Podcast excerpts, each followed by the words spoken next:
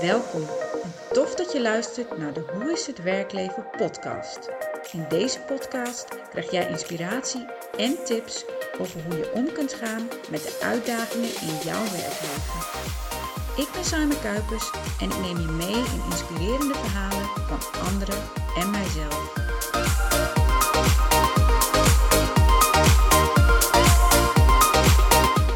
Welkom bij weer een nieuwe aflevering van de Hoe is het werkleven podcast. En in deze aflevering interview ik Angelique van der Meijden. En Angelique is ondernemer en zij helpt succesvol met haar team andere online ondernemers in hun bedrijf.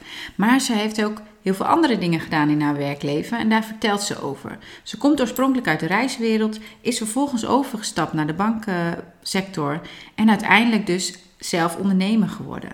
En wat mij is bijgebleven uit dit gesprek is dat zij altijd haar eigen keuzes heeft gemaakt. En dat vind ik echt enorm inspirerend ook voor andere mensen die op dit moment ja, aan het zoeken zijn in hun carrière.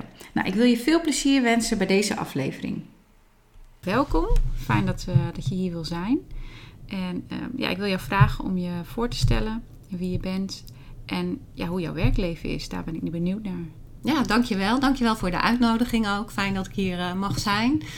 Ik ben Angelique van der Meijden. Ik ben uh, online business manager voor trainers, coaches uh, en adviseurs in de, in het, de online wereld, uh, zeg maar.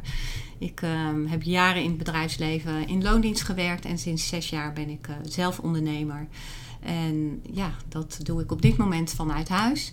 En ja, het mooie is dat je dan kan werken wanneer en waar je wilt. En daar kan ik mijn verschillende passies in combineren. Um, ik ben ooit begonnen in, het reis, uh, in de reiswereld. En reizen heeft nog steeds een speciaal plekje in mijn hart. Hoewel dat in deze tijd wat lastig is ja, uh, om ja. uh, natuurlijk te reizen. Maar dat vind ik heel mooi dat ik dat nu kan combineren met het werk wat ik doe. Mooi. Ja. ja daar gaan we straks nog wat dieper op in. Want ik ben wel heel erg benieuwd. Hoe ben jij jouw carrière gestart? Hè? Wat, wat, hoe is jouw loopbaan gegaan na je studie? Nou, ik ben niet echt uh, een student geweest die jaren gestudeerd heeft. Alhoewel ik mijn he hele leven lang wel aan het uh, leren en ontwikkelen ben. Maar niet zozeer het studentenleven heb gekend. Ik heb een, uh, na de HAVO heb ik een jaar een studie gedaan wat voor de reiswereld nodig was. Want ik wilde de reiswereld in. Dat was mijn droom. En ik dacht, ja, ik wil gewoon veel van de wereld zien. En dat kan in de reiswereld. Ja.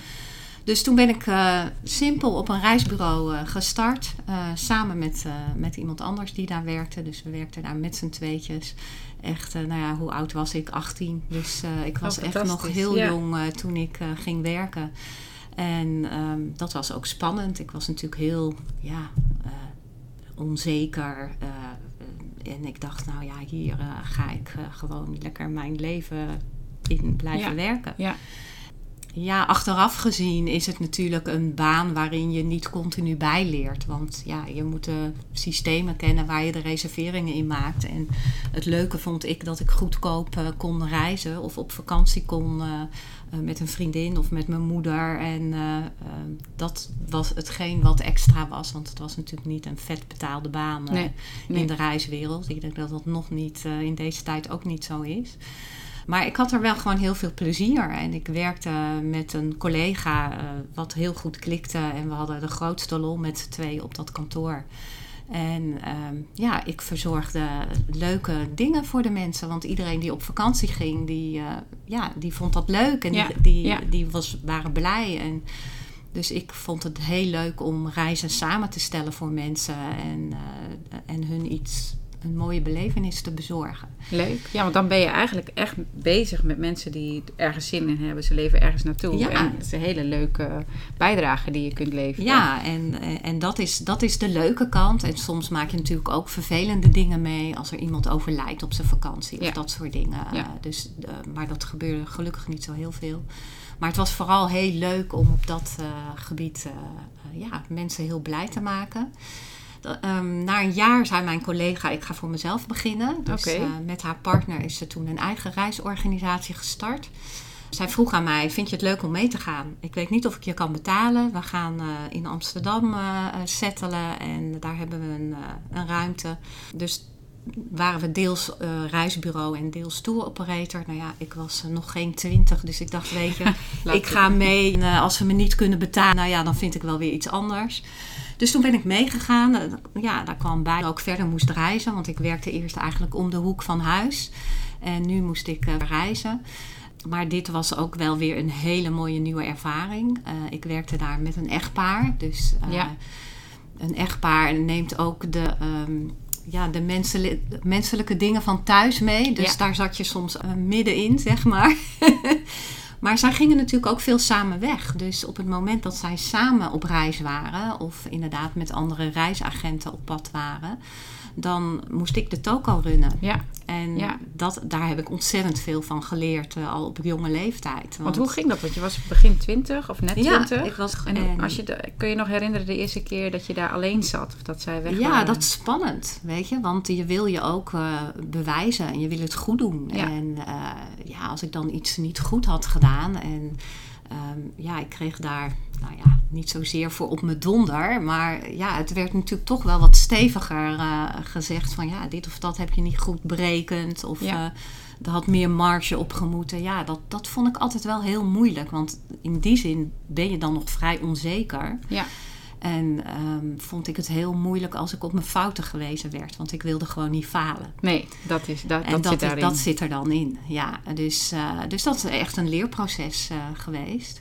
Maar ja, weet je, in die zin had je ook verantwoordelijkheid over het geld. Want heel veel mensen betaalden contant. Dus nou, dan moest je dat bij de bank afstorten. En dan ging ja. je over straat met uh, ja, 10, 20.000 gulden in die tijd ja. nog in je boodschappentasje ja, dat vond ik toen allemaal heel spannend. Ja, op een gegeven moment draaide ik mijn hand niet voor om als ik met veel geld over straat liep. Want die waarde werd gewoon anders voor jezelf. Ja, klopt. Ja, het leuke is wel dat ik samen met dit echtpaar uh, dat bedrijf groeiende heb gemaakt. En dat is wel ontzettend leuk. En daar heb ik ook altijd heel veel waardering voor gekregen.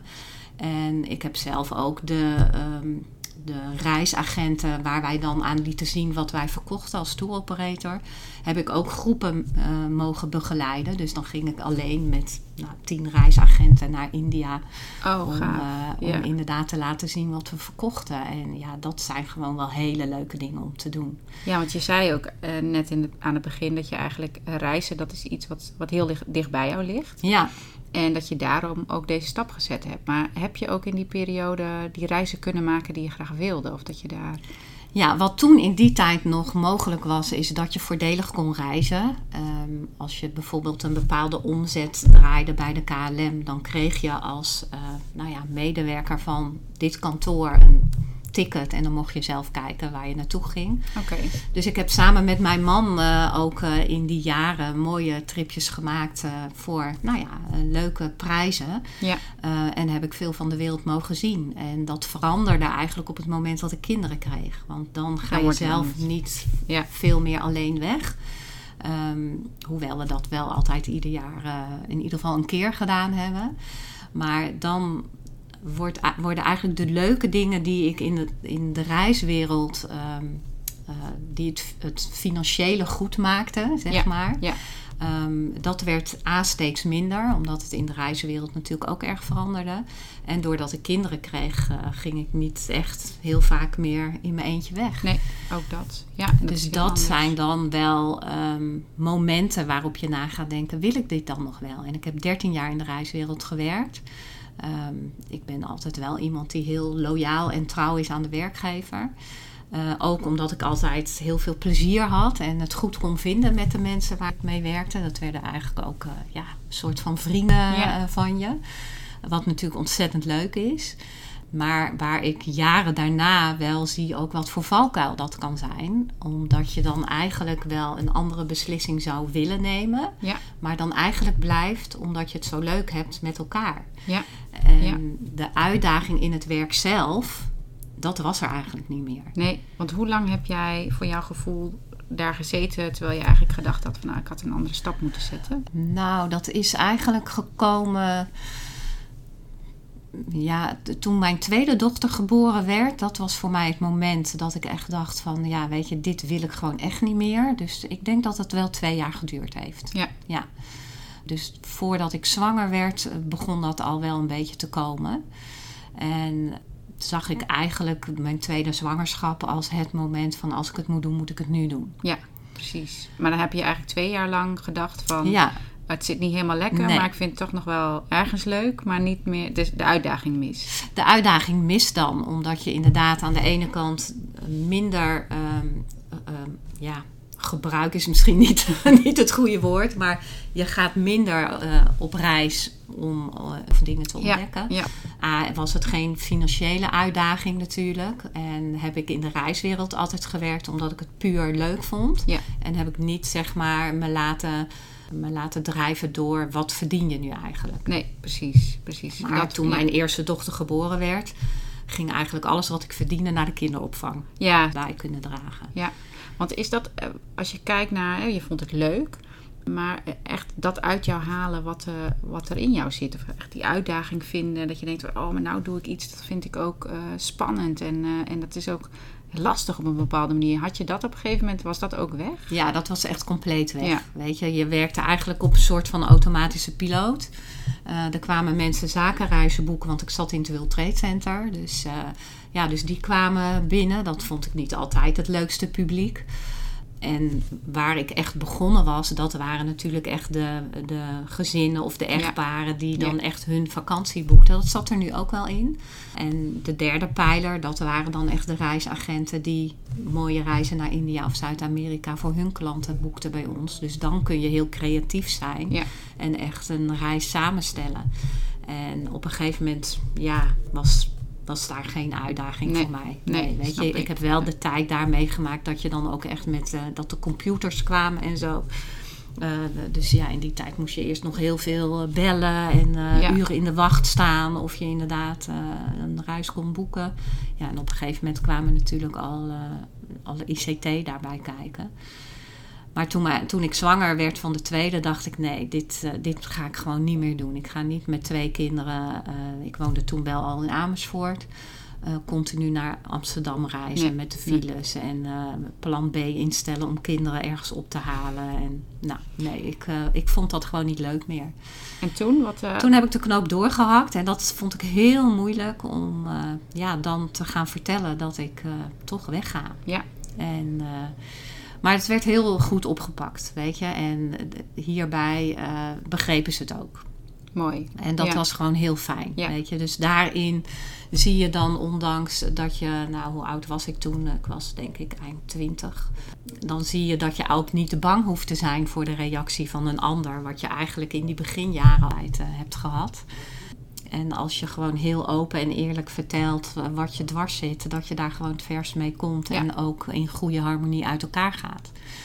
En dat is vaak wat dan eh, de scenario's zijn die je be- zelf bedenkt. Van, oh, nou ja, weet je wat, zullen ze wel niet denken en dat kan ik niet maken. En dus dat is voor het eerst in mijn leven geweest dat ik dacht van, ja, weet je, dat is wel een les die je mee moet nemen naar de toekomst. Hoewel ik dat pas jaren later eigenlijk eh, besefte. Ja, ja. En, maar ja, wat ga je dan doen? Ja, want da- daar ben ik wel benieuwd naar. Hoe heb je die keuze ehm, gemaakt? Want ik was zwanger en wij gingen net in Amersfoort wonen, in een nieuwbouwwijk. Dus ik liep daar in, ehm, in een winkelcentrum in de aanbouw en daar zag ik eh, dat de Rabobank een kantoor ging openen. Toen dacht ik, nou ja, dan ben ik ook met mensen, heb ik ook contact met mensen. Dus het, het ja, onderwerp mensen en dienstverlening, dat zat wel in mij. Dus ik dacht, nou, ik ga maar gewoon eens naar binnen en vragen of ze mensen nodig hebben. Of nee, er was een informatieavond en daar stonden ze inderdaad eh, ook van de bank. Dus toen heb ik gewoon maar gevraagd, Gevraagd. hebben jullie mensen nodig? En eh zei ze, nou weet je, solliciteer en dan eh, zullen we kijken. Maar ja, ik liep daar met mijn dikke buik. Dus ik dacht, ja, weet je, hoeveel kans maak je? Maar goed, dat heb ik toch gedaan. En toen ben ik inderdaad op gesprek gegaan. En toen zei ik, ja, weet je, ik eh, zou hier heel graag willen werken. Maar eh, ja, ik ben wel zwanger. Dus ja, eh, Ja. ik weet niet wat de mogelijkheden zijn. Zei ze, nou, we zijn toch bezig om met de andere kantoren. En die bezetting moet helemaal op orde komen. Tegen die tijd dat jij bevallen bent, dan bellen we je wel. En dan hoor je wel wat de mogelijkheden zijn. Dus dacht ik, nou ja, oké. Dus, uh, en ik werd inderdaad gebeld. Ik, was, uh, ik lag nog in mijn kraambed.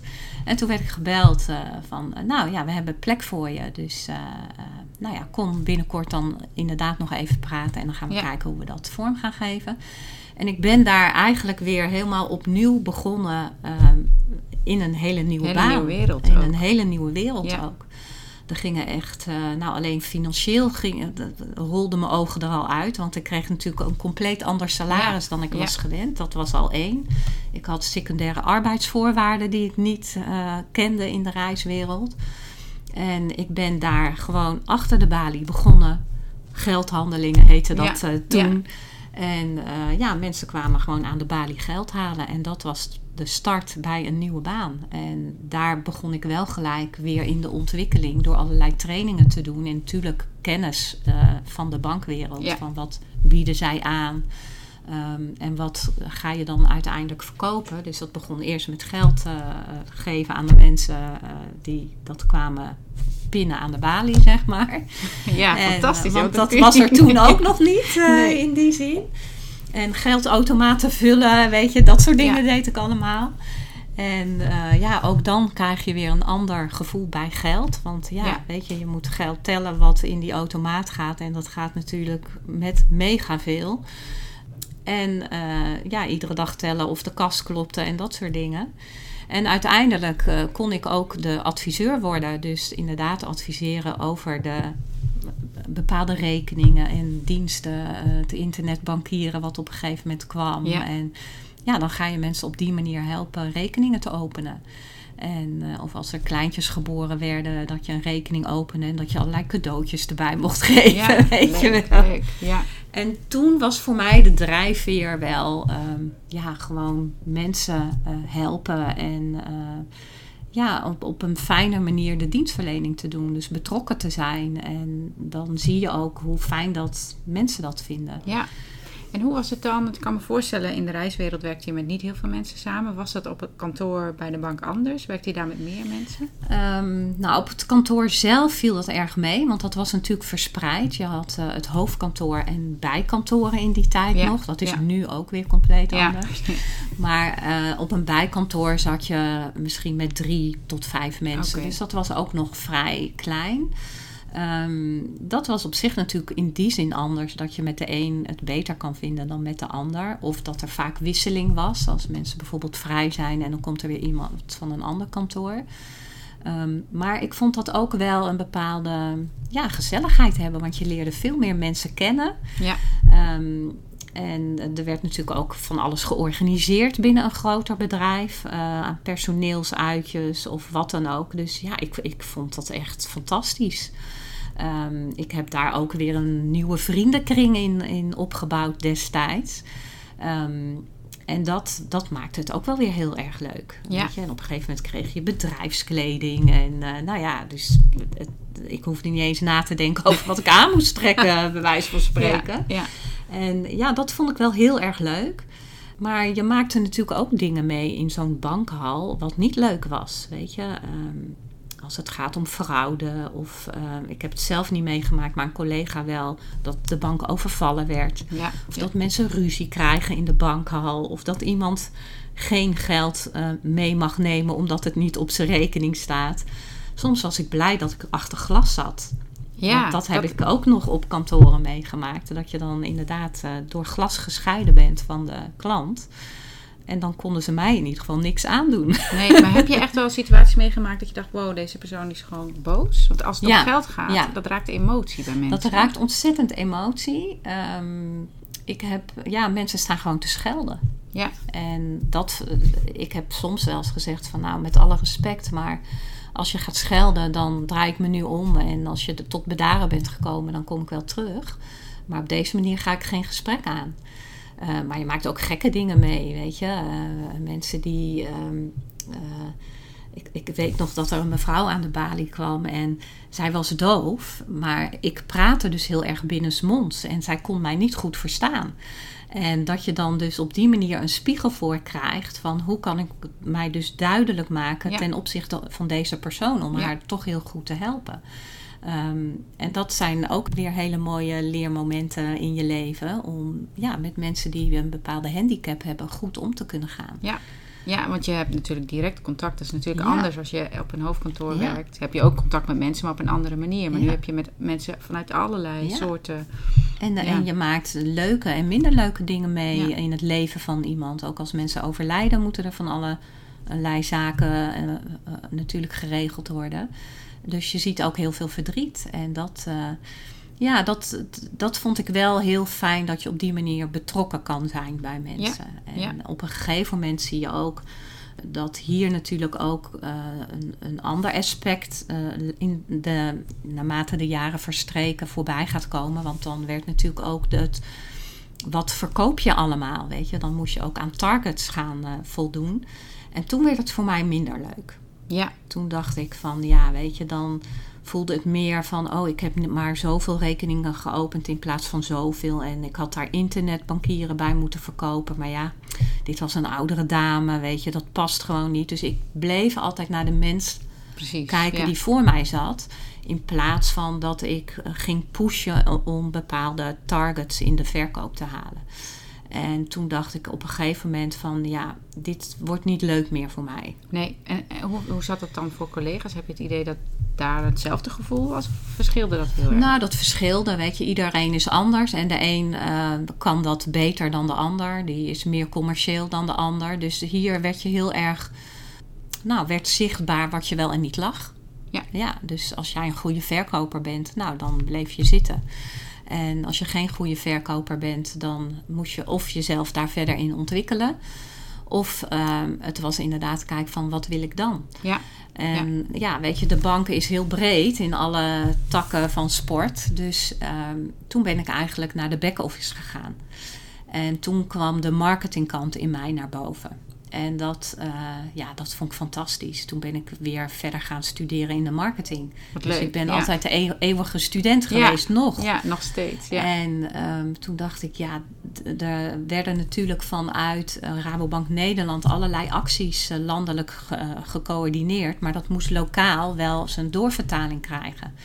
En dat werd toen eigenlijk helemaal opgezet. En uh, ja, dat heb ik toen uh, in mijn schoot geworpen gekregen.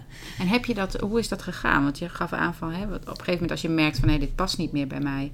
Uh, dan moet je of weg of iets anders vinden. Of in ieder geval, of je moet het leren. Hè? Dus dat kan ja, ook. Ja. Uh, hoe is dat proces bij jou gegaan? Dat je dacht van, oh, dit past nou, echt niet. Je had eigenlijk in die tijd, um, uh, had je natuurlijk ook gesprekken. Hè? Van beoordelingsgesprekken. Van, nou ja, weet je, wat vind je wel leuk? Wat vind je niet leuk? Wat gaat wel goed en niet goed? En dan begint dat langzaamaan een beetje te stromen. Zo van, nou ja, weet je, ik heb niet het gevoel dat ik in deze functie echt op mijn plek zit. Ik heb hier heel veel geleerd. Want natuurlijk kon ik alles adviseren en uh, deed ik die automaten vullen. En nou ja, maar ook daar zit op een gegeven moment de sleur in. Ja. En uh, dan kwam wel weer die nieuwe uitdaging naar boven. Van ja, wat wil ik dan? Wat kan ik nu nog meer van waarde zijn voor degene waar ik werk? En als je dan ziet dat zo'n marketing uh, zich verder gaat ontwikkelen binnen de lokale bank toen dacht ik, ja, dat vind ik eigenlijk ook wel een heel leuk gebied. Daar zit ook weer creativiteit in. Ja. En er kwam weer een nieuw systeem binnen de bank, waar uh, nou ja, al die signalen weggezet moesten worden. Dus een soort werkvoorraad, zeg maar. En dat moest dan toebedeeld worden aan de verschillende mensen binnen de bank. Dus dat heb ik opgezet. En um, ja, vond ik hartstikke leuk. Dus dat, uh, dat heb ik vormgegeven samen met iemand anders ook. En zo uh, kwam langzaamaan de marketing eigenlijk op gang. Ja, en was dan marketing naar buiten of ook intern? Hoe, uh... Ja, dat was wel meer de marketingactie landelijk lokaal opvolgen. Dus dat ja. betekent dat op het moment dat er bij klanten een babytje werd geboren of meer um, uh, huizen in de verkoop, al dat soort dingen, dan moest dat lokaal opgevolgd worden. Ja, want daar zaten ja. natuurlijk verkoopkansen ja. in. Um, dus vanuit die optiek vond ik het dan wel leuk om, uh, om het uit te zetten. Dus dat heb ik vormgegeven en dat moest je natuurlijk ook aan de achterkant monitoren van ja, wat voor resultaat brengt dat op en heeft iedereen zijn werk goed gedaan. Als ik daar nu over nadenk, doe ik dat nu ook op een andere, op ander vlak. Maar uh, dus dat was wel heel leuk uh, om te doen. maar toen kwam de, de combinatie met communicatie. En uh, vond ik het eigenlijk wel super gaaf om die marketingacties lokaal ook in de communicatie meer naar buiten te brengen. Dus de reclame in de bushokjes. Ja. Met de afdeling communicatie ook heel erg um, ja, in contact van hoe gaan we dit doen. Um, maar daar zat iemand anders. Dus ja, daar was eigenlijk voor mij geen plek. En uh, dus ik had dat wel in mijn uh, gesprekken met mijn leidinggevende aangegeven van ja, ik zou dat wel heel graag willen. Ja. En dat was toen eigenlijk marketing hypotheken. Dat lag toen bij de managementassistenten van de hypotheekafdeling. Uh, maar ja, dat, daar was voor mij geen optie. Dus toen ben ik verder om me heen gaan kijken. Ja. En ja, de Rabobank is groot, dus ja, er waren veel kantoren. Dus bij een andere Rabobank vroegen ze iemand, dus daar heb ik gesolliciteerd. En ehm, nou ja, daar kon ik eigenlijk beginnen. En uh, dus ik heb mijn brief geschreven en van nou ja, ik ga vertrekken. En toen gingen er heel veel bellen rinkelen bij iedereen. Toen moest ik met allerlei directeuren in gesprek, want ze wilden eigenlijk niet dat ik wegging. Ja, dat, dat voelde wel heel, ja, heel vereerd. Ja, zo van, precies. oh, er is dus wel meer mogelijk toen zeiden ze inderdaad van, nou weet je, jij mag dat gaan doen. Jij, uh, we hebben echt iets op papier gekrabbeld uh, van, uh, we willen niet dat je gaat, maar jij gaat uh, deze mogelijkheid krijgen. En zo is het ook gegaan. Dus uiteindelijk ben ik marketing hypotheken gaan doen. En heb ik de andere weer afgezegd. Ja, want hoe ging dat dan? Want, ja, ja, nou, ja, daar ben ik ook eerlijk in geweest. Ja, van ja, ja weet je, um, uh, ik krijg nu wel de mogelijkheid. Ik vind het heel vervelend, maar ja, ik had nog niet getekend. Nee. Dus ja, we zijn wel ook weer in goede harmonie. Uh, en daarbij het was bij, het, bij dezelfde het Rabobank. Was wel, het was natuurlijk wel één werkgever ja. in principe. Ja. Alhoewel je toen alle lokale banken nog apart had. maar ja, dat was een hele gekke gewaarwording. En ja, ik het voelde wel dat je dus wel gewaardeerd werd. Ja. En dat, uh, ja, dat deed ook wel heel veel met me. Ja, en, klopt. Uh, ja, toen nam ik eigenlijk weer de volgende stap uh, binnen het bedrijf waar ik alweer een aantal jaren zat. Toen zat ik op de afdeling hypotheken. En hoe ging dat? Want dat is ook een heel andere uh, afdeling, kan ik me voorstellen. Ja. Dat is weer een hele andere sfeer, een hele andere setting. Ja. ondanks dat het wel gewoon de bankenwereld is natuurlijk. Maar hoe, hoe heb je dat ervaren? Um, ja, dat was weer een veel groter team waar je deel van uitmaakte. Ja, ook dat was. Uh, je was de rechterhand van de manager hypotheken eigenlijk. Uh, ook in, als marketingcoördinator uh, hypotheken. Um, maar de creativiteit bleef. Want ja. je gaat dan eigenlijk met een groter team ook één keer in de zoveel tijd zitten. Van ja, weet je, wat voor acties gaan we doen? En um, wat kan weer bijdragen aan de targets die al die adviseurs moeten halen? Um, dus vanuit die optiek vond ik het wel fantastisch om met meer mensen te kunnen sparren. dan dat je het helemaal in je eentje moet bedenken. Ja. En dat je dus ook op die manier betrokkenheid gaat creëren. Uh, om het met elkaar te doen. En ja, dat samengevoel is dan gewoon super. Ja. En dat. Um, ja, dat vond ik wel heel geweldig om te doen. En daar werkt je dus ook echt met meer mensen samen. Ja. Dus je bent eigenlijk van eh, steeds gegroeid ook in de grootte van een team. Juist. Want wat is er als jij kijkt, hè, want als ik het zo uh, een beetje mag samenvatten, zie ik jou wel. Ja, ja die creativiteit, dat moet erin blijven mm -hmm. zitten. Uh, maar wat is jouw rol binnen zo'n team? Um, nou, aan de ene kant ben je uh, wel coördinator van verschillende zaken wegzetten. Ja, echt leiding geven wil ik het op dat vlak nog niet noemen. Um, maar je bent wel iemand die moet zorgen dat alles door blijft gaan. Ja. Um, en dat je eigenlijk dus je, uh, je ervaringen um, ja, vertelt aan de manager, of deelt met de manager van dit is wat ik signaleer. Je hebt een grote signaleringsfunctie die voor de manager van groot belang is. En wat is voor jou dan dat je denkt, waarom daarom vond ik deze rol zo leuk? Nou, omdat het je een bepaalde verantwoordelijkheid geeft. Die heb je natuurlijk op ieder vlak wel. Maar uh, voor mij in, in die fase van mijn leven vond ik dat wel een ja, soort van belangrijkheid. Zo van, ja. ja. weet je, ik werk toch heel nauw samen met een persoon die een belangrijke functie heeft binnen de bank. En uh, ja, met elkaar moeten we dit zien te fixen. Binnen een groter team heb je natuurlijk ook medewerkers die niet zo makkelijk meegaan. Ja. Um, waarbij ik uh, wel altijd een hele goede verstandhouding had met iedereen. Dus ik kon wel goede gesprekken aangaan. En dan kon ik wel mijn manager weer uh, vertellen van ja, weet je, dit is misschien niet zo handig dat je dat zo doet. Ja.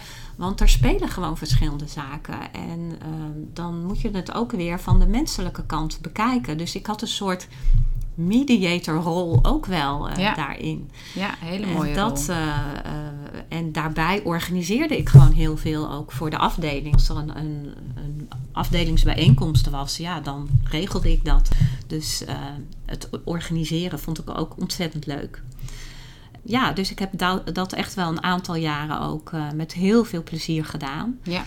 Uh, en dan zie je dat je door de ontwikkelingen bij de bank, dat er dan echt een afdeling marketing communicatie uh, lokaal komt. Dus toen kwam ik, ging ik van de hypotheekafdeling weg en kom ik, kwam ik echt weer in een nieuw team terecht. Je gecentreerd alle marketing Ja. eh, medewerkers die daar dan werkten, Ja. coördinatoren. Ja, en dan echt voor, voor de hele bank. Dus voor de afdeling particulieren, de afdeling private banking, afdeling beleggen. Uh, dus voor de hele bank kwam alles toen, uh, toen samen.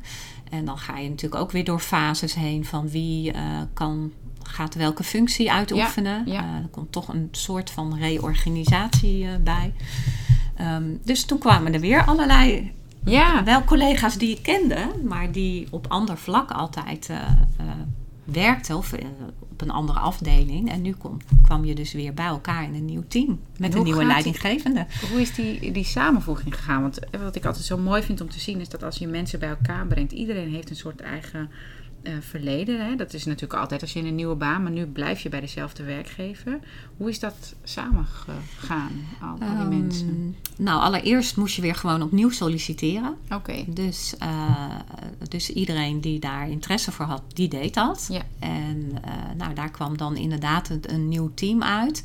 Waarvan sommige uh, ik zijdelings wel, wel eerder in een samenwerking zag.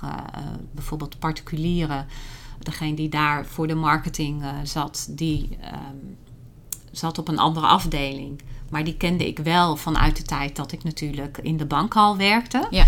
Uh, dus die kende ik weer uit een uh, eerdere fase van samenwerken. Maar ook fusies met, um, met een andere lokale bank in de buurt. Die zorgden er ook voor dat er dus mensen van die andere lokale bank bij kwamen. Ja. En dan ga je weer eigenlijk een nieuwe samenwerking aan. Leer je mensen weer opnieuw kennen. Krijg je natuurlijk allerlei ja, bijeenkomsten, teamuitjes om die, die betrokkenheid met elkaar te stimuleren. Ja. Uh, moet je ook testen doen van wat voor Ja. MBTI-type ben je dan. En uh, um, nou ja, met allerlei oefeningen hoe je elkaar beter leert kennen. Dus ja, ook hartstikke leuk. Um, maar ook daarin merkte ik wel dat de een mij beter lag dan de ander. En uh, daar moest ik voor mezelf wel een weg in vinden.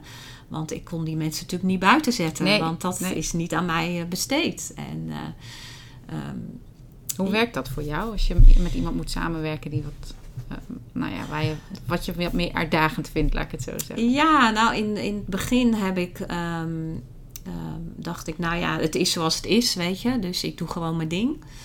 Uh, maar ik heb wel eens momenten gehad dat ik het echt heel vervelend vond. En dan merkte ik dat het dus in mijn functioneren ook beïnvloedde. Ja. En waar ik heel erg uh, bloedje hekel aan heb, is als mensen niet integer zijn. Ja. Uh, of dat dingen niet eerlijk gaan. En als ik merk dat dat gebeurt, dan ga ik echt op mijn strepen staan. En dat heb ik één keer echt moeten doen. Dat ik heb gezegd van ja, of deze persoon gaat eruit, of ik ga eruit. Maar hier blijf ik niet mee samenwerken. En ik ben heel blij dat dat dan wel door mijn manager serieus genomen is. En ook met mij het gesprek daarover is aangegaan. Um, en het is dan een lange weg, maar uiteindelijk is de andere persoon uh, toch vertrokken en Ja. kon ik blijven. Ja. Um, maar ja, ik, ik, ik vind dat in die zin lastig, uh, omdat ik wel respect wil hebben voor iedereen, omdat iedereen gewoon zijn eigen ding is. Soms heb je ook wel uh, confrontaties. Um, en dat, dan komt de onzekerheid uit uh, mijn eerdere startbaan naar boven. Van ja, weet je, hoe ga ik dit dan goed brengen? En ik wil geen ruzie en ik wil niemand ja, op zijn tenen trappen, maar ik wil wel gewoon op een goede manier het gesprek met elkaar aangaan. En dat heb ik in die periodes wel moeten leren. En leer je dat dan zelf? Of wordt daar ook binnen, uh, binnen een werk, vanuit de werkgever ook in, in ja, geïnvesteerd op een bepaalde manier? Nou, ik heb dat naar mijn gevoel wel gewoon zelf moeten ontwikkelen. Ja. Ja. ja. ja. Ook om het uh, voor mezelf acceptabel te maken, want ik had er zelf last van. En, um, en dat merk je ook in je latere leven. Als je daar niks mee doet, dan blijf je daar last van houden. Ja. En dan gaat het je gewoon niet verder helpen. Dus in die zin heb ik er wel vaak over gesproken met collega's waar ik het heel goed mee kon vinden.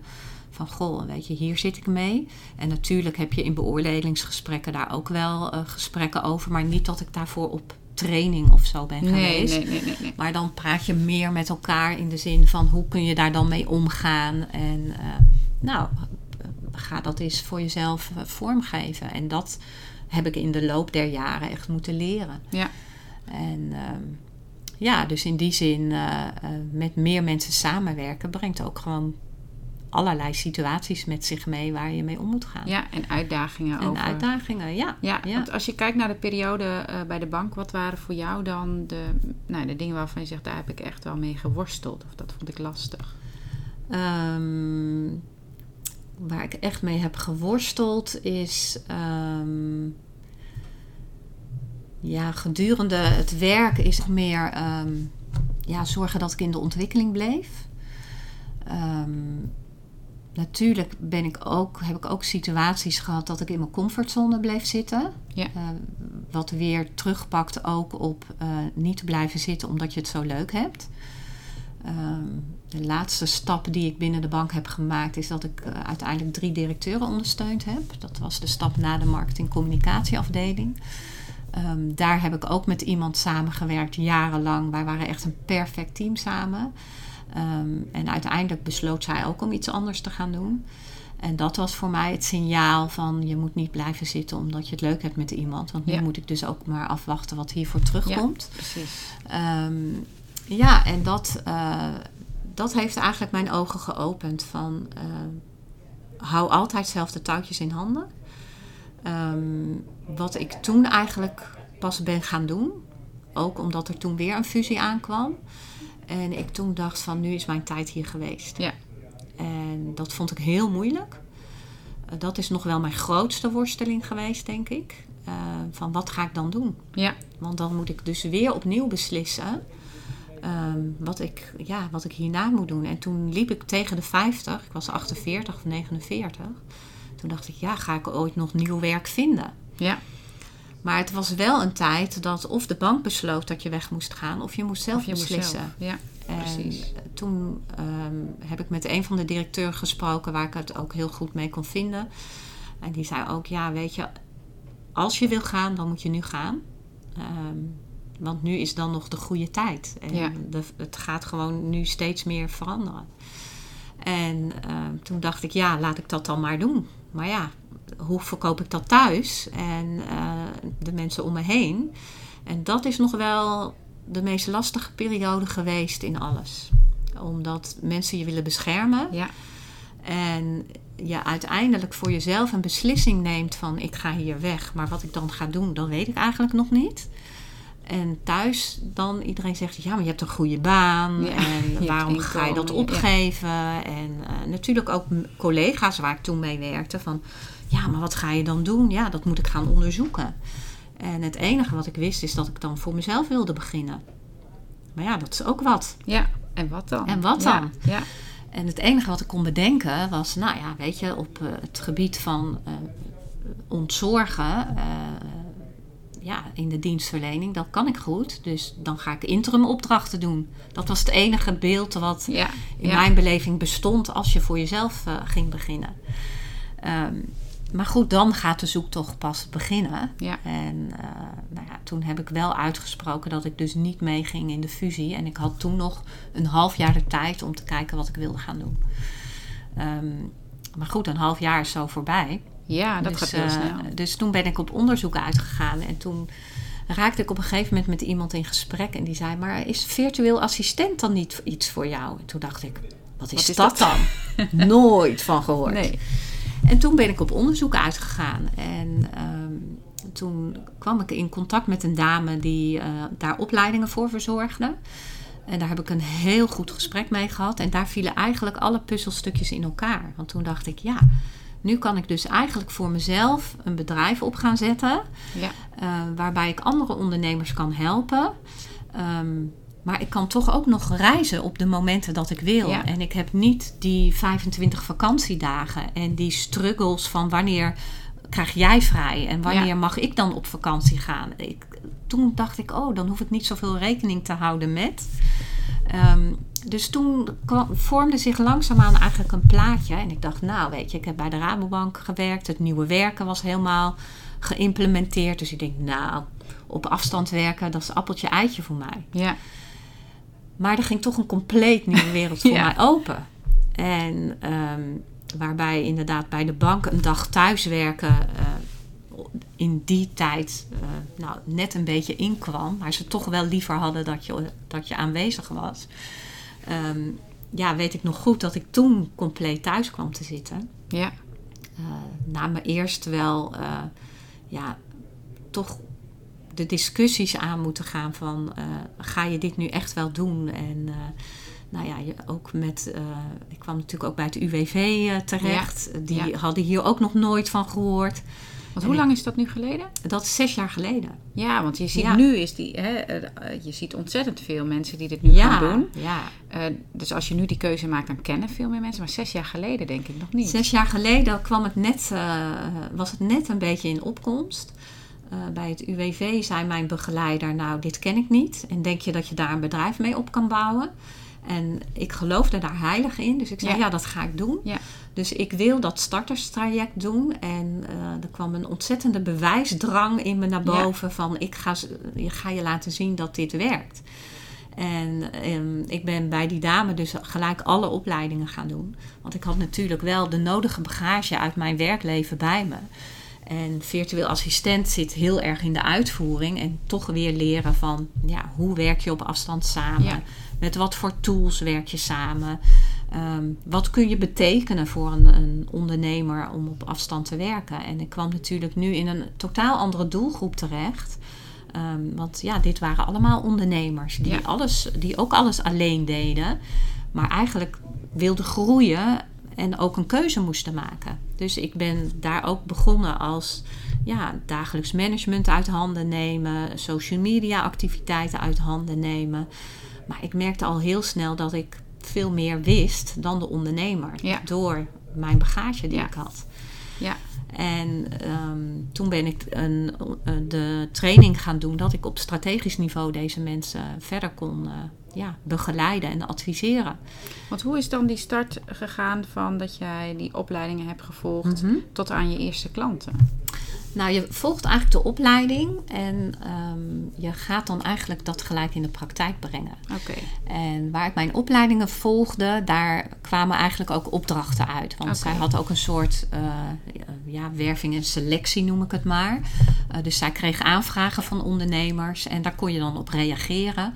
En dan deed zij de eerste selectie. En nou ja, ik zat in die tijd toch vaak wel bij eh, de eerste selectie van Ja. haar. Ja. En dan ging je met die ondernemer in gesprek. En dan waren er twee of drie mensen waar ze mee in gesprek gingen. En zo heb ik mijn eerste klanten gekregen.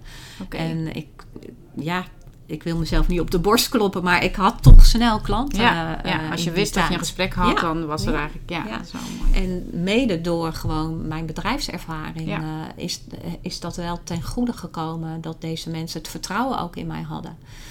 Ehm, en ik heb me gewoon echt op online marketing verder in moeten lezen en leven van wat houdt dat dan in? Want dat was totaal weer anders als de marketing die ik binnen de bank eh, Ja. had gedaan. Ja, want eigenlijk wel mooi. Want je hebt eh, van ontzorgen van mensen tot te helpen, tot de, inderdaad die dienstverlening, tot aan de marketing en communicatie. Dat had je allemaal al. Dat heb je nu nog Ja, steeds, maar dat had ja. je toen ook al bij je. Ik, ik heb dat eigenlijk in mijn hele werkleven gedaan. Ja. En nu komt het op een andere manier samen. ehm, om die zelfstandige ondernemer te helpen. En uh, waarbinnen een groot bedrijf je vaak te maken hebt met heel veel verschillende lijntjes voordat er beslissingen worden genomen, ehm, stond ik nu naast die ondernemer en konden we heel snel schakelen van we gaan het zo doen. Ja. En ehm, ja, ook nu, en dat had ik binnen de bank natuurlijk ook, zeker op directieniveau, um, werden je adviezen ter harte genomen en uh, kon je dat ook in de praktijk brengen. Ja. En het verschil nog met directie is dan vaak dat uh, um, niet al mijn ideeën één op één natuurlijk overgenomen werden, maar die ondernemer mij uh, misschien nog wel serieuzer neemt dan de directeuren waar ik mee heb gewerkt. Ja, dat is ook wel een hele mooie, kan ja, me voorstellen. Ja. Dat echt gekeken wordt, jij bent de expert op dit gebied, dus uh, vertel mij maar hoe het moet. Zo. Ja, want die ondernemer die is ondernemer geworden ook vanuit zijn vak. Ja. En um, ja, als je dan je eigen bedrijf begint, dan komt er nog een bedrijf bij. Want je hebt een heel bedrijf te runnen. Ja. Waar uh, ieder groot bedrijf overal een afdeling voor heeft, heb je dat niet als zelfstandig ondernemer. En op een gegeven moment dacht ik, ja, weet je, daar zit voor mij nu de uitdaging in om ook dat bedrijf goed neer te zetten voor deze ja. ondernemer. Ja. En daarom wilde ik eigenlijk snel doorgroeien naar de strategische kant, ja. om deze ondernemer daarop te helpen. En natuurlijk kan ik het ook niet allemaal uitvoeren voor deze ondernemer. Dus moest ik op zoek ook naar een eigen team die mij daarbij ging helpen. Zowel de ondernemer als mijn eigen bedrijf. En um, ook ik heb eigenlijk in de beginfase gezegd: ik doe het wel alleen. Um, omdat het gewoon lekker overzichtelijk is en je weet uh, wat er moet gebeuren. Dat zit allemaal in je hoofd en zo wil je dat het gebeurt. En dan voel je eigenlijk ook wat de ondernemer nu voelt als ze met mij en mijn team in zee gaan. Van ik geef een stukje van mijn kindje, ja. laat ik los eigenlijk. Hè? Ja. En wat gaat er dan gebeuren? Gaat het dan wel goed of worden er geen fouten gemaakt? En ja, natuurlijk worden er fouten gemaakt, want we maken allemaal fouten in het leven en ook in je werk. Um, maar is dat heel erg? Ja, van fouten leer je. En uh, ja, dat was wel een heel mooi proces om doorheen te gaan. En dat is waar ik ook de ondernemer waar ik nu mee samenwerk eigenlijk doorheen loods. Ja. Van kijk eens wat het je oplevert als je uh, met een team samenwerkt. En dat hoeft niet een uh, team van 10, 20 mensen te zijn. Dat kan al met een heel klein team kun je al heel erg geholpen zijn. Ja, dat kun je al met z'n drieën bewijs van uh, doen. Hè? Ja, dus, uh, ja. Wat. Wat, hoe heb jij de mensen gekozen in jouw team? Hoe heb je daarnaar gekeken? Ik heb dat eigenlijk organisch laten groeien. Zo van, uh, wat kan ik nu het eerste uitbesteden? Um, wat mij tijd oplevert. Ja. En um, dat moet ook wel goed geclusterd zijn. Want met uh, losse activiteiten over de schutting gooien ga je geen tijd winnen. Nee. Dan komen mensen steeds bij je terug. Dus ik heb, ben begonnen met de marketing. Um, daar ben ik naar op zoek gegaan in mijn netwerk. Want ik kende door mijn opleidingen inmiddels ook heel veel mensen in mijn netwerk uh, die hiermee aan de slag gingen. Ja. Dus daar heb ik met een aantal mensen gesproken. En daarbij heb ik echt gekeken naar de expertise van wat kan iemand. Um, wel iemand die daar ook groeiende in was. Uh, ik vond ook wel mooi om mensen daar uh, in hun leerproces in mee te nemen. Ja, ja. Um, waarbij ik aan de andere kant da ook dacht van nou dan kan ik het ook nog een beetje zo samensmeden dat het gaat op de manier zoals ik het graag ja. uh, wil. Ja. En daar kon ik een mooi geheel van maken. Um, dus uh, deze persoon werk ik nog steeds mee. Daar werk ik nu denk ik een jaar of drie uh, als zelfstandige samen. En dan is het ook heel mooi om te zien hoe zij de ontwikkeling doormaakt. En ja, ook nu op strategisch niveau de marketing met mijn klanten bespreekt. Ja, ja, dus dat mooi. is dan wel heel uh, leuk om te zien. Um, waarbij ik ook uh, mijn ja, ervaringen uit het bedrijfsleven meeneem om betrokkenheid te creëren in de zin van uh, regelmatig met elkaar in gesprek gaan. Ja. Um, kijk, wekelijks hebben we een teamoverleg om te kijken van wat moet er gebeuren deze week. Dus dat zijn echt de operationele planningsdingen. Uh, maar ik heb ook één op één met mijn teamleden gesprekken van hoe gaat het nou met jou ja. en waar ben ja. jij mee bezig in je ontwikkeling, uh, wat weer mijn bedrijf ten goede kan komen. Want als ik dat niet doe en ik weet het niet, dan zou ik misschien een teamlid aanhaken die, die werkzaamheden ga doen terwijl ik het in huis heb. Ja, precies. Ehm, maar we zitten ook als team per ieder kwartaal bij elkaar om uh, de grote lijnen te bespreken. Um, en dat is wel de reflectie die ik vanuit het bedrijfsleven mee heb gekregen. En dus wel op afstand werken, kan ik me voorstellen. Op afstand, ja. ja. Want, want, dat is natuurlijk de uitdaging waar heel veel, waar nu niet alleen maar ondernemers en online ondernemers voor staan, maar ook heel veel bedrijven en heel veel Ja. organisaties. Als jij kijkt naar dat, eh, wat je daar de afgelopen jaren mee hebt genemen- genomen, wat zijn daar de grootste ja, winstfactoren? Of misschien wel dat je denkt van, nou, dit zou eigenlijk iedereen moeten doen, of wil het een succes worden? Nou, wat gewoon echt een groot voordeel is van online werken op afstand, is dat je de dingen kan doen wanneer het jou uitkomt. Ja. Je bent productiever, eh, want je gaat niet een uur bij de koffieautomaat staan en met een collega even bespreken hoe het weekend was. Eh, ik denk dat veel verloren tijd eh, die je op de werkvloer hebt, op locatie, die heb je niet als je vanuit huis werkt of een eigen kantoor. Dat kan natuurlijk ook. Hè? Ja. Ehm, want je, je spreekt eigenlijk op dat moment af: ik werk zoveel uur voor iemand en dat benut je dus ook. Op afstand werken is puur sturen op resultaat. Eh, waarbij eh, dat vaak eh, het meest lastige is, heb ik wel gemerkt ook in het bedrijfsleven, omdat er heel erg gekeken werd naar van je bent aanwezig, dus dan doe je je werk. Ja, Maar Ja. dat wil helemaal niet zeggen dat dat zo is. nee, klopt. Het gaat uiteindelijk om het resultaat. En of ik dat nou in vier uur of in acht uur haal, ja, dat maakt dan niet uit. Ehm, maar het is niet gezegd als ik thuis werk dat ik niks doe. Nee. Thuiswerken geeft zeker een uitdaging eh, als je een gezin hebt met jonge kinderen of wat dan ook. ehm, om dat voor jezelf goed in te richten. Ja. En dat merk ik zelf ook nu in deze tijd wel. Want ik heb een kantoor gehad en dat heb ik opgezegd. Eh, en thuis wordt er toch wel vaak gekeken van... oké, eh, je bent thuis aan het werk, maar dan kan je ook dit nog wel even Ja. doen. Ja. Dus dat vraagt heel erg iets van hoe sta je daar zelf in. Eh, waarbij ik door de jaren heen altijd er voor iedereen wilde zijn... en iedereen wilde pleasen eh, eigenlijk... heb ik sinds ik zelf ondernemer ben... daar echt heel gericht mijn keuzes in gemaakt. En heb ik eigenlijk ook pas echt bewust voor mezelf gekozen Ja, om ook tijd voor mezelf te maken. En niet altijd maar ehm, nou ja, op te springen als iemand iets vroeg van mij. Eh, dus ik kan nu veel beter mijn grenzen aangeven. Wat komt door zelfstandig werken thuis. Ehm, want dan wil ik ook niet dag en nacht werken. Nee, nee, klopt. Ehm, Het is en- eigenlijk wel een hele mooie ontwikkeling. Ja. Hè? Dat je die nu pas eigenlijk als ondernemer eh, ziet ontstaan. Ja, ja, want dan moet je echt keuzes maken voor jezelf. Want anders hou je het niet vol, ook niet als ondernemer. Eh, waarbij je op locatie in loondienst natuurlijk vaak om vijf uur naar huis gaat. En dan kan je er wel redelijk afstand van nemen. Maar nu staat die laptop thuis. Ja. En ben je heel erg geneigd om die open te klappen en door te gaan. Maar nu werk ik vaak op hele andere tijdstippen. Heb ik niet altijd een 9 tot 5 mentaliteit. Wat is voor jou de beste, of het beste moment? Ehm, nou, het, het werk verdeel ik erg naar hoe mijn energie is op die dag. Ehm, waarbij ik in de ochtend vaak wel meer eh, kan creëren. Ja. En ik werk gewoon echt in blokken voor ondernemers. Omdat ik daar natuurlijk wel bepaalde afspraken in heb van eh, ja, hoe lang werk ik voor iemand. Dus dat kader ik wel. Maar zoek ik nu af en toe ook de ondernemer op. Dus daar zit ik ook één keer per kwartaal gewoon een dag. En dan ga ik lekker bij een restaurant zitten. Hebben we onze eigen ruimte. En eh, dan hoef ik ook over andere dingen niet na te denken. Dus dat is leuk. Ja. Maar het wil ook best voorkomen dat ik op zaterdag iets doe.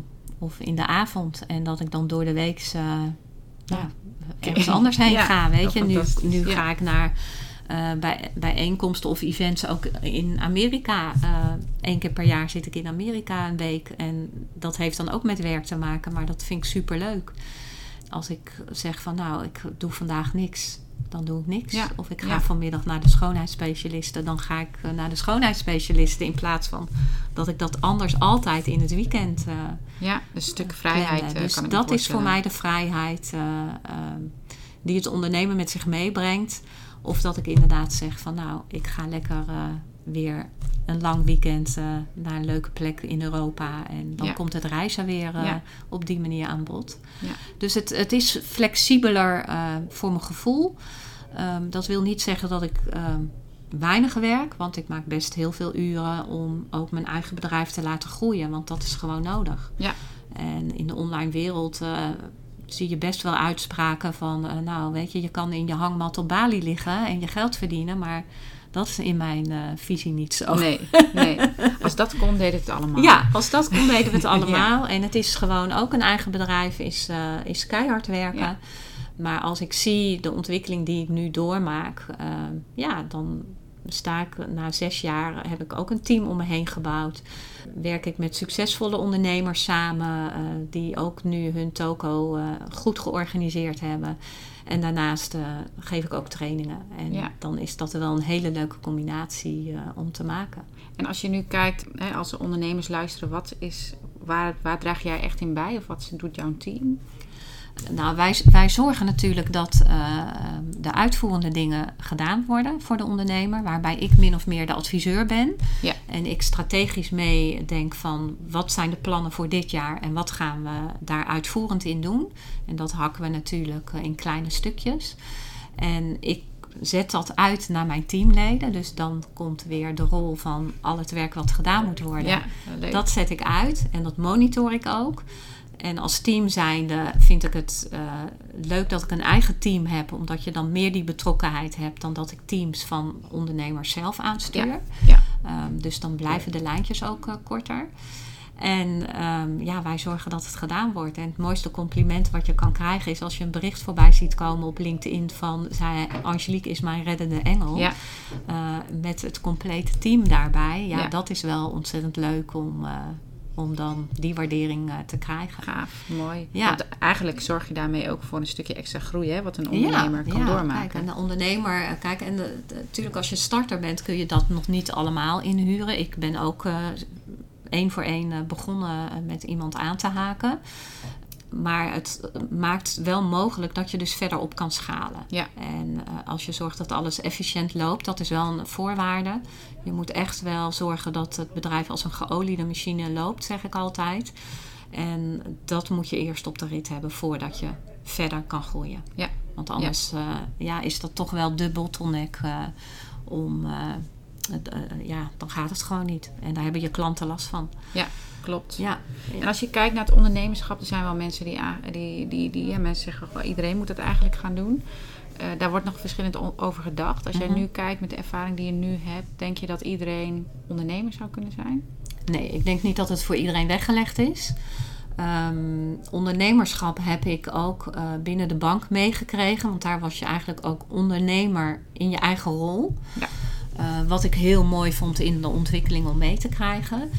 Um, maar als je zelf ondernemer wordt, moet je risico's nemen. Uh, dat moet je wel durven. Kijk, zeker nu ook in deze coronatijd. Uh, vond ik het ook heel spannend toen ineens alles op slot ging. En dat ik dacht, oh, en heb ik nu mijn ja. bedrijf opgebouwd en wat gaat er nu gebeuren? Ik heb daar echt wel een weekend wakker van gelegen. En toen dacht ik, nee, knop om, hier niet in blijven hangen. Wat kan ik nu doen om te zorgen dat ik door kan blijven gaan. Precies, dus ja. ik heb eerst gekeken naar welke kosten hoef ik absoluut niet te maken. Uh, daarom heb ik ook mijn kantoor toen opgezegd en ben ik weer thuis gaan werken. Ik denk dat zijn de eerste dingen die ik kan winnen. En wat kan ik of het zij opnieuw ontwikkelen of nog extra aanbieden om te zorgen dat ik toch inkomen krijg. Want ik Ja. heb ook drie mensen die ik moet betalen. Ja, precies. Anders moet precies. ik die op nul zetten en dan heb ik ook mezelf daarmee. Ja. Ehm, dus je moet absoluut risico's durven nemen. Ik kom ook nog genoeg mensen tegen waar het een veredelde hobby is. Ja. En dan denk ik, als je op die manier onderneemt, dan ben je geen ondernemer. Nee. Dus uh, ik ben iemand die ambitieus is. Ook van hou om met ambitieuze mensen te werken. Um, maar dat je ook echt een bedrijf neer wil zetten, dat je ook echt van betekenis bent. Ja. En een veredelde hobby en jezelf geen salaris uit kunnen betalen, is voor mij niet ondernemen. Nee, er zitten natuurlijk heel veel verschillende aspecten aan. En je Ja. moet uiteindelijk, als je het serieus wil nemen, moet je Ja. er ook uh, je salaris uit kunnen, kunnen Ja. halen. Dat vind ik wel. En als je kijkt nu naar jouw werkleven op dit moment, hoe, hoe kijk je daarnaar? Welke ontwikkeling zie je nog? Of uh, heb je zoiets van, nou, dit is Um, nou, ik denk dat uh, uh, de ontwikkeling in de online wereld nu juist een boost gaat krijgen. Waar ik natuurlijk heel blij mee ben. Ja. maar wat ook de uitdaging met zich meebrengt, dat mensen dus te snel willen, ehm, eh, willen ontwikkelen en niet de juiste dingen implementeren. En dat is wat ik uh, in begin van mijn rol als in de samenwerking met ondernemers al zag, is mensen doen heel veel trainingen en aan kennisontwikkeling, wat heel goed is.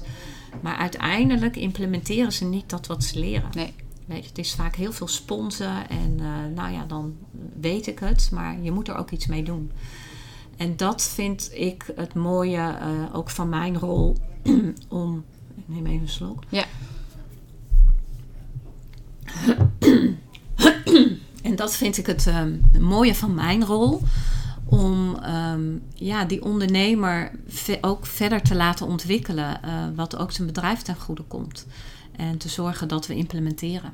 Ja, en dat het niet blijft bij die kennis, nee. uh, maar dat je ook echt gaat doen. Ja. Want dat, ja. dat herken ik wel hoor, dat dat heel veel gebeurt van nou nu weet ik dit, maar om echt die stap te zetten naar actie en doorvoeren. Want soms moet je ook heel uh, consequent zijn in wat je doet natuurlijk. Ja, heel consistent ja. en, en niet dan maar weer dit en dan maar weer dat. Nee, en, en um, daarom is het belangrijk om uh, te kijken van waar wil ik naartoe met mijn bedrijf? Ja. En welke plannen ga ik daarop trekken? En wat heb ik dan te doen om daar te komen? Ook dan komen de mensen uit je directe omgeving weer om de hoek kijken. Want ook dan hoor je vaak, oh, maar je werkt zo hard. En ja. Um, ja, weet je, misschien moet je ook nu even pas op de plaats nemen. Ja, weet je, maar drive is om hier te komen. Precies. Dus ik voel dat niet als druk of stress nee. of wat dan ook. Nee. Maar dit ga ik ontwikkelen en dat ga ik neerzetten. En maak dus beslissingen op basis van in welke fase zit ik nu in mijn bedrijf. En niet op basis van iets wat pas uh, over een jaar misschien uh, nee. aan de orde is. Zeker aan het begin moet je Ja. alles doen. Dus Ja, dan, dan ja. heb je dan je, ben je hebt aan het begin zoveel rollen uh, als ondernemer. En dan is het stap voor stap kijken wat heb ik nodig. En door je met de juiste mensen te omringen, haal je daar ook de inspiratie uit. En heb ik geleerd van, nou weet je, de mensen om me heen, die zijn natuurlijk heel belangrijk voor mij. Maar dat zijn niet de mensen waar ik alles mee bespreek. Nee. Uh, wat er in mijn bedrijf gaande is of uh, waar ik naartoe wil. Want die, die begrijpen dat niet. Nee, het gaat verder dan dat. Het ja. gaat verder dan Ja. dat. Dus daar heb ik echt een switch in gemaakt qua denken. Uh, in het begin hechtte ik daar natuurlijk heel veel waarde aan. Maar werd ik ook wel teleurgesteld uh, op de een of andere manier. En toen dacht ik, nee, ik moet echt zorgen dat ik uh, binnen de ondernemers die ik in mijn netwerk ken, de juiste mensen zoek en daarmee ga sparren. Ja. Om ook uh, mezelf verder uh, te ontwikkelen. En ik doe nog steeds allerlei trainingen. En ja, ik ben de eeuwige student, zeg ik wel eens. Maar je past het ook toe. Maar ik pas het Ja. ook toe. Ja. Ja, en dat, ja, dat vind ik gewoon wel heel mooi om ook uh, mensen om me heen mee te geven. En Ja. ik geef het mijn kinderen ook mee van, weet je, maak de keuze in wat je leuk vindt en studeer daarin verder. Ja, precies. En dat is eigenlijk wat ze nu ook allebei doen. En dat mijn oudste dochter nu ook een switch maakt van naar een heel ander vakgebied. Uh, en ook weer gaat studeren. En ja, dat kan ik alleen maar uh, stimuleren. Ja, wat mooi. Ja. En ik, ik zeg ook heel vaak van als je een nieuwe wereld wil ontdekken, zorg dan ook dat je mensen hebt uit die nieuwe wereld. Ja, ja. En het liefst de beste. En dat, Zeker. uh, dat, dat is soms een uitdaging om ergens dichtbij te komen. Maar als je echt graag iets wil, dan, ja, dan is dat wel de manier om in ieder geval die mensen te hebben die dat ook al kennen. En eigenlijk al een stapje verder zijn. Ja, en dat is waar ik me weer aan op kan trekken. Door inderdaad uh, coaches te zoeken die verder zijn. Ja. Of mij weer nieuwe informatie kunnen leren. Um, het leuke is wel dat ik natuurlijk in de bankwereld ging, draaide ook alles natuurlijk om geld. Ja. Um, en bij ondernemers is geld natuurlijk ook een heel Ja. belangrijk issue om te zorgen dat je een winstgevend bedrijf wordt. Um, nou, ook op dat vlak heb ik mij verder ontwikkeld tot uh, nou ja, Profit First Professional, wat dus een, methode is uh, uh, waarbij ik een methode gebruik om de ondernemer dus inzicht in zijn financiën te krijgen. Um, en ook te bouwen aan een financieel gezond bedrijf. Ja. En daar is ook voor de ondernemer nog heel veel ontwikkeling uh, in nodig. Maar ja, ook daar komen weer nieuwe opties uh, in Nederland. Uh, waar ik dan ook weer in meega en mezelf weer onderscheidend in kan maken. Ja, wat mooi. Ja, want Dus dat, dat blijft is- natuurlijk elke ja, keer die ontwikkeling ja. wendbaar zijn. Hè? Dat, Ja. je, dat je niet afglijdt van, oh, mijn product is fantastisch of mijn dienst. Eh, je moet weer opnieuw eh, beginnen. Nee, en de wereld verandert continu. Dus het is belangrijk om daar eh, in de ontwikkeling mee te gaan. En kijken naar de mogelijkheden. En door zelf te leren kun je ook wat jij weer leert aan jouw klanten meegeven.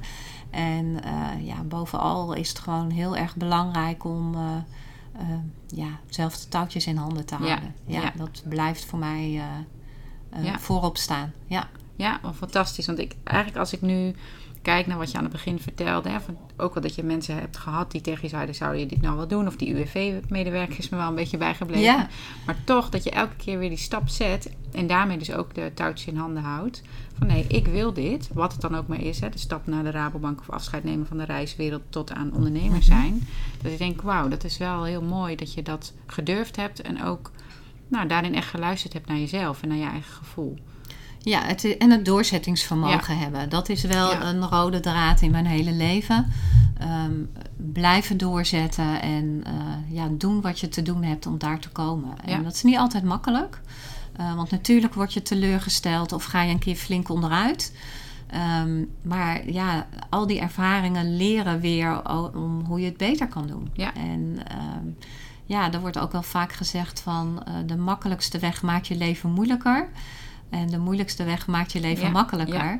En dat ervaar ik ook echt zo. Ja, Ja, weet Ja. je, soms zit ik ook wel dat ik denk, oh, oh ja, eh, hoe ga ik dit doen of dat doen? En dan ja, is het toch weer even je rust pakken en je plan stellen en doorgaan. En nou ja, als je het dan eenmaal hebt gedaan, ben je het alweer vergeten. Ja, mooi, mooi. Ja.